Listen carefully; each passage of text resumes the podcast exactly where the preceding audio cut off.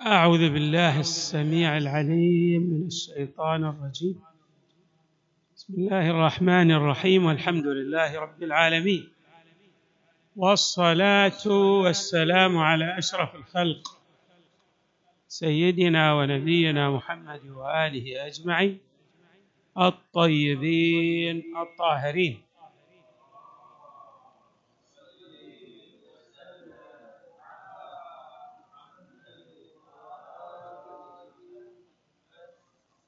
السؤال يقول ما الفرق أو ما هو الفرق بين رحمة الله للخلق ورحمة بعض الخلق لبعضهم الآخر؟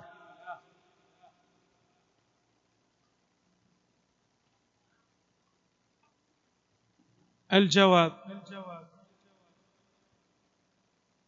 اولا لا ينبغي أن نقيس الرحمة الإلهية برحمة الخلق لبعضهم بمعنى أنه لا يقاس الممكن بالواجب لا يقاس الفقير المطلق بالغني المطلق. وحتى الرحمة التي للخلق بالنسبة لبعضهم هي ليست منهم وإنما هي من عند الله. قال الله تعالى وما بكم من نعمة فمن الله. جميع الأشياء التي للعبد هي من عند الله. فلا ينبغي أن تقاس رحمة الخلق لبعضهم برحمة الله. وعلى فرض أراد الإنسان أن يقرب الصورة كما في بعض الروايات جاءت جاء يعني جاء هذا التقريب. لكن لا يتوهمن أحد بأن ما جاء في الروايات يراد به المقايسة. لأن المقايسة تستدعي وجود حد لرحمة الله. والله تبارك وتعالى لا حد لسعة رحمته. وسعت رحمته كل شيء. رحمة الله تبارك وتعالى لا تقاس بشيء. حري بنا اولا أن نذكر آية مباركة.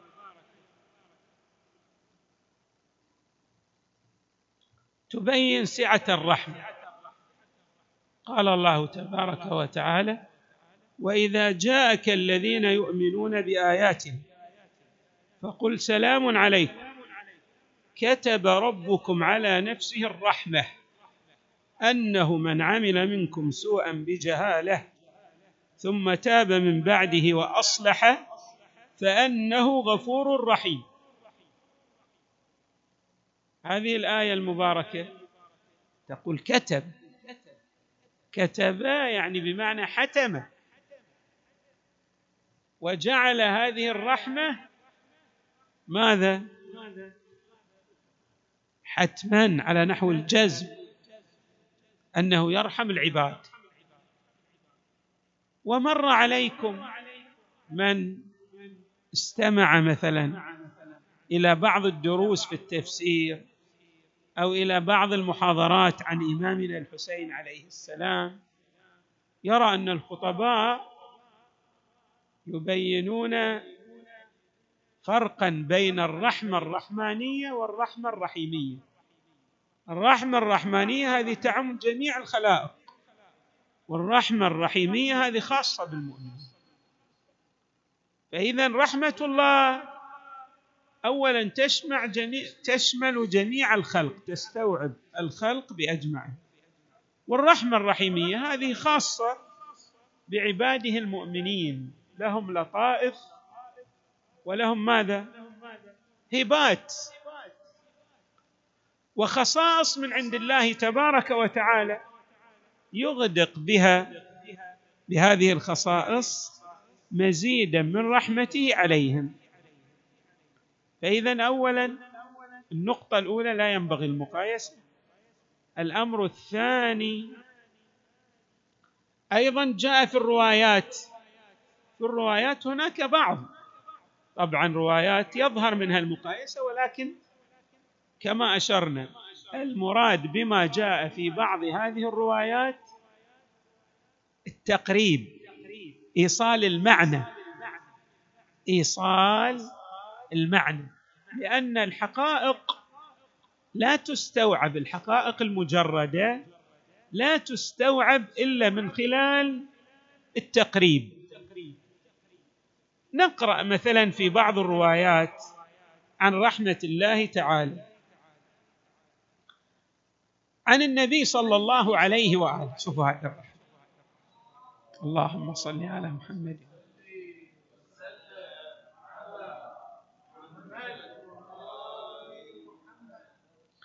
قال لو تعلمون قدر رحمة الله تعالى لاتكلتم عليها. لو أحد يعلم بسعة رحمة الله أصلا والعياذ بالله أصلا يتكل على هذه الرحمة. لا يلتفت إلى مسألة صدور الخير منه أو حتى صدور السيئات من عنده. أقرب لكم الصورة لأنه يرى أن رحمة الله تسعه فاذا بمعنى آخر النبي صلى الله عليه وآله يريد أن يقرب لنا الصورة. يوضح لنا امرا غاية في الأهمية. بأن سعة الرحمة حتى الأئمة ما شرحوها بشكل مفصل. حتى لا يتكل العباد على سعة هذه الرحمة التي لا حد لها. والروايات في هذا كثيرة جدا. نعم. من الروايات مثلا؟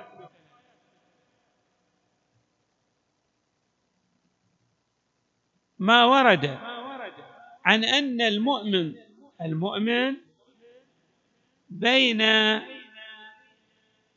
ثلاث خصال. يعني المؤمن إذا التفت إلى هذه الخصال الثلاث لا يهلك ابدا. الخصلة الأولى شهادة أن لا إله إلا الله وحده لا شريك له. يعني أن يؤمن بتوحيد الله تبارك وتعالى. كلمة لا إله إلا الله حصن. فمن دخل حصني أمن عذابي. الأمر الثاني شفاعة المصطفى محمد صلى الله عليه وسلم.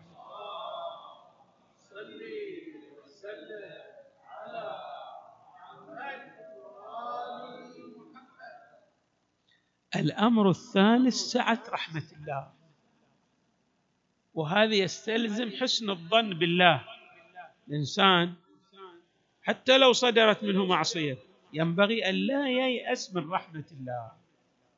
يعني يدعو الله برحيميته وبرحمانيته أن تشمله تلك الرحمة ليتخلص مما ألم به من ذنب أو إثم. أيضا ورد عن النبي صلى الله عليه وآله إن الله تعالى خلق مائه رحمة. فرحمة فرحمة بين خلقه يتراحمون بها. وادخر شوفوا الدخر لأوليائه من هو الولي لله؟ اللي يؤمن بالله. يعني يؤمن بالتوحيد الإلهي الخالص بأن الله وحده لا شريك له إلها واحدا أحدا فردا صمدا حيا قيوما لم يتخذ صاحبة ولا ولا ولدا. ما يؤمن بالتجسيم. ولا يؤمن مثلا بأن الله تبارك وتعالى له حد. لا ينزه الحق تبارك وتعالى يؤمن بحقانية قوله تعالى ليس كمثله شيء. الله لا يشبه شيء هذا القرآن نص قرآني. هذا معنى التوحيد الخالص. وادخر لأوليائه لأوليائه تسعة وتسعين رحمة. فإذا الإنسان كل هالرحمة التي يتراحم بها الخلق فيما بينهم هي رحمة وهي من عند الله أيضا يكون نلتفت. هي ليست من عند أنفسهم. كل هذه الرحمات والخيرات التي تصدر من لدن الخلق بالنسبة لبعضهم هي مجرد رحمة واحدة. من رحمات الله. وهناك تسعة وتسعون رحمة ادخرها لأوليائه. قلنا المراد بالولي ها هنا من يوحد الله تبارك وتعالى حق توحيده يسير على صراطه المستقيم ويؤمن بالتجسيم أو بالتحديد للحق تبارك وتعالى. هذا ليس بموحد. انتبه إلى حقانية التوحيد التي أكدت عليها آيات القرآن والروايات من عند النبي صلى الله عليه وآله والأئمة من أهل البيت عليهم السلام. للكلام تتمه ولكنني سأختم لكم بقصة جميلة. جدا جميلة هذه القصة وفيها عبر ليس عبرة واحدة عبر. حتى تعلمون ما الفرق بين رحمة الخلق بعضهم لبعضهم ورحمة الله تبارك وتعالى. طبعا موسى كما تعلمون عنده ابن عم أو ابن خالة له. ابن عم الظاهر هو قارون. قد جاءت قصته في القرآن. قارون من قوم موسى وكيف بغى عليهم وكذا. تحدث القرآن عن قصة قارون. قارون الله آتاه من الأموال الشيء الكثير. أموال طائلة جدا خزائن من الذهب والفضة والمعادن النفيسة وما إلى ذلك من الأموال. ولكنه بالإضافة إلى ذلك مو فقط الله آتاه أموال آتاه علم يعني خلاه فقيه من الدرجة الأولى. فقيه عالم يعني هم علم هم مال. بس شنو؟ ها اتكل على نفسه. لم يلتفت إلى أن ما عنده هو من عند الله. يعني أصيب بالغرور والكبرياء والعياذ بالله. فتصور أنه لا يدان لا يجارى لا يبارى ليس له نظير. وهنا المرء يسقط من شاهق. مجرد أن يلتفت إلى نفسه ويرى أنه لا نظير له. خلاص. سبحان الله الله يكله إلى نفسه. الكبرياء ردائي. فمن نازعني في ردائي قصمته ولا أبالي. يكون يلتفت العبد إلى هذه المسألة وإلى هذه الحيثية. كلما أفاض الله تعالى عليك من النعم ينبغي أن تجسد حقانية العبودية في ذاتك. وترى أن ما لديك من نعم هو من عند الله تبارك وتعالى ولا قيمة لشخصيتك لولا اللطف الإلهي الذي يفيضه الحق تبارك وتعالى على هذا القرآن يصرح. قال إنما اوتيته على علم عندي يعني هذا ترى أنا اللي عندي من العلم والأموال. ترى أنا لأني أنا لا أبا لا اجارى ولا ابارى مثل ما يقول الشاعر أنا ابن جلا وطلاع الثناء هذا غاية في السوء للإنسان. غاية. هنا السقوط التام للإنسان. المهم يوم طلع لموسى موسى يعظ بني إسرائيل قال له الله آتاك النبوة لكن أنا آتاني المال. موسى فقير ما كان عنده أموال. بس بعد نبي من أولي العزم من الرسل لأن شخصيات الناس ما تقاس. في بعض الأحيان الله يجمع بين الثروة والمال والملك لنبي من أنبيائه كسليمان كداود في بعض الأحيان يصير النبي هذا فقير أصلا ما عنده شيء. حتى ال ال يعني قوت يومي الله يحصله مثل موسى عليه السلام. كان فقير ما عنده شيء. بالرغم إنه عاش في القصر الملكي في كذا لكنه ما كان يعني من أصحاب الأموال والثروات. ما كان مثل داود وسليمان. بعض الأنبياء حتى بعض الصالحين. مثل ذي القرنين مثلا. صالح تحدث لكن الله أتاه الملك وأعطاه من الثروات. وهكذا الحال. إحنا حتى شفنا بعض الصالحين الله يعطيه الكثير من الأموال. وبعض الصالحين تشوفه يلا يحصل قوت يومه. هذا صالح وهذا صالح. الله يبتلي الناس بكذا. ذاك الله يبتلي بالثروة والغنى وذا الله يبتلي بالفقر والفقر هذه معادلات إلهية نحن لا نعرفها. لكن موجود من أنبياء من رسل من صالحين. الأمور هذه موجودة. في الدنيا هذه الأمور موجودة. ابتلاءات. الله يبتلي الإنسان بالثروة ويبتليه بالفقر. كما يبتلي شخصا بالصحة يعطي صحة ما يمرض. واحد يبتلي بالأمراض. شوف كل حياته يخرج من مرض ويدخل في مرض ثاني. هذا مبتلى. وذاك أيضا اللي الله أعطاه الصحة. ولذلك تشوفون ليبلوني أأشكر أم أكفر. سليماني. إذا لنعرف أن كل هذه ابتلاءات من عند الله. قارون ما فكر أن هذه الأموال والقدرات التي لديه هي من الابتلاءات. فكر لا هذه خصائص ذاتية. وأنه يفترق عن بقية الخلق لخصائصه الذاتية التي لا يشارك بها. فقال لموسى الله أعطى يعني خلنا نعبر بتعبير الأحساء. يعني يقول حق موسى ترى خلك على وضعك ترى مثل ما الله أعطاك ترى أنا أعطاك وأنت ترى مو بأحسن ما ينبغي أن تقول لي نبي من أولي العزم من الرسل حتى لو كنت عالم حتى لو عندك أموال. ينبغي أن تتواضع يا قارون. وقد نصحه المؤمنون من بني إسرائيل ولكنه بغى. وطغى وتجبر وتكبر. في يوم من الأيام من كبريائه شاف إن جاه موسى يرتفع وهو حتى وإن كان ذاك نبي لا يقاس الأنبياء لا يقاس بهم سائر الخلق. حتى وإن كنت عالم يمكن أن تقاس بهذا النبي العظيم. وهو موسى عليه السلام. فهو جاي يقيس نفسه بهذا النبي العظيم. كما أشرنا. المهم أنه سولت له نفسه أن يتهم موسى في شرفه ليحط من قدر موسى عند بني إسرائيل. فاتفق مع بغية من بغايا بني إسرائيل. قال لها قولي حق موسى أنه يعني ارتكب الزنا معك. فموسى كان يوضح الأحكام يقول لي يعني يزني إن كان غير محصن نجلده. كان محصن يعني له زوجة. هذا حكمه يختلف. يوضح بعض الأحكام قال له هذا قارون. حتى هذا الحكم يجري عليك أنت بعد يا موسى؟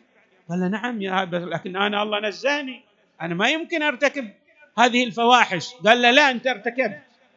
وعندنا بغية من بغايا بني إسرائيل تشهد أنك ارتكبت الفاحشة معه وجاب ذيك البغية فبتشهد قال لها موسى أنا أحلفك بالله. أستحلفك بالله. وبالمعجزات التي أجراها الله على يدي. وقام يذكر له سبحان الله. الله أيقظ ضمير هذه البغية تابت إلى الله. قالت لا هذا صحيح أن قارون هو الذي ماذا؟ أغراني بالأموال لأتهم لأتهمك في شرفك. فغضب موسى غضبا شديدا. نحن شاهدنا من هنا غضب على من؟ على قارون. قال سجد لله. موسى كسائر الأنبياء والصالحين. أين الملجأ؟ إلى الله. سجد إلى الله. قال إذا أنا نبي عندك ومن المقربين لابد أن تأخذ لي بحقي. تعطيني شيء؟ الله أوحى إليه. قال له أنا الآن جعلت الأرض تأتمر بأمرك. افعل بقارون ما شئت. وهذا طلع. قال موسى لقارون. وأتباع قارون الناس مغترين قارون حتى وإن كان الناس يتبعون اللي عنده. هذا قلنا قارون مو شخصية عادية عنده علم وعنده مال. مو شخصية. هم أموال عنده وهم علم عنده. قال اللي يتبع قارون يظل وياه يعني في جنبه كأنهم يريدون يقسموا المكر واللي معي أنا يجي وياي. أنا نبي من أنبياء الله العظام يجي اللي, اللي يبغيني يجي وياي. كل الناس جاءوا مع موسى ما ظل معه إلا اثنان. يعني شخصان بقي مع قارون والبقية التحقوا بمن؟ بنبي الله موسى. هو قال للأرض يا أرض خذيه ومن معه. فقامت الأرض تنخسف به. تنخسف به وتنطبق عليه. تنطبق عليه مو بس تنخسف به. يعني أخذته إلى إلى ركبتيه.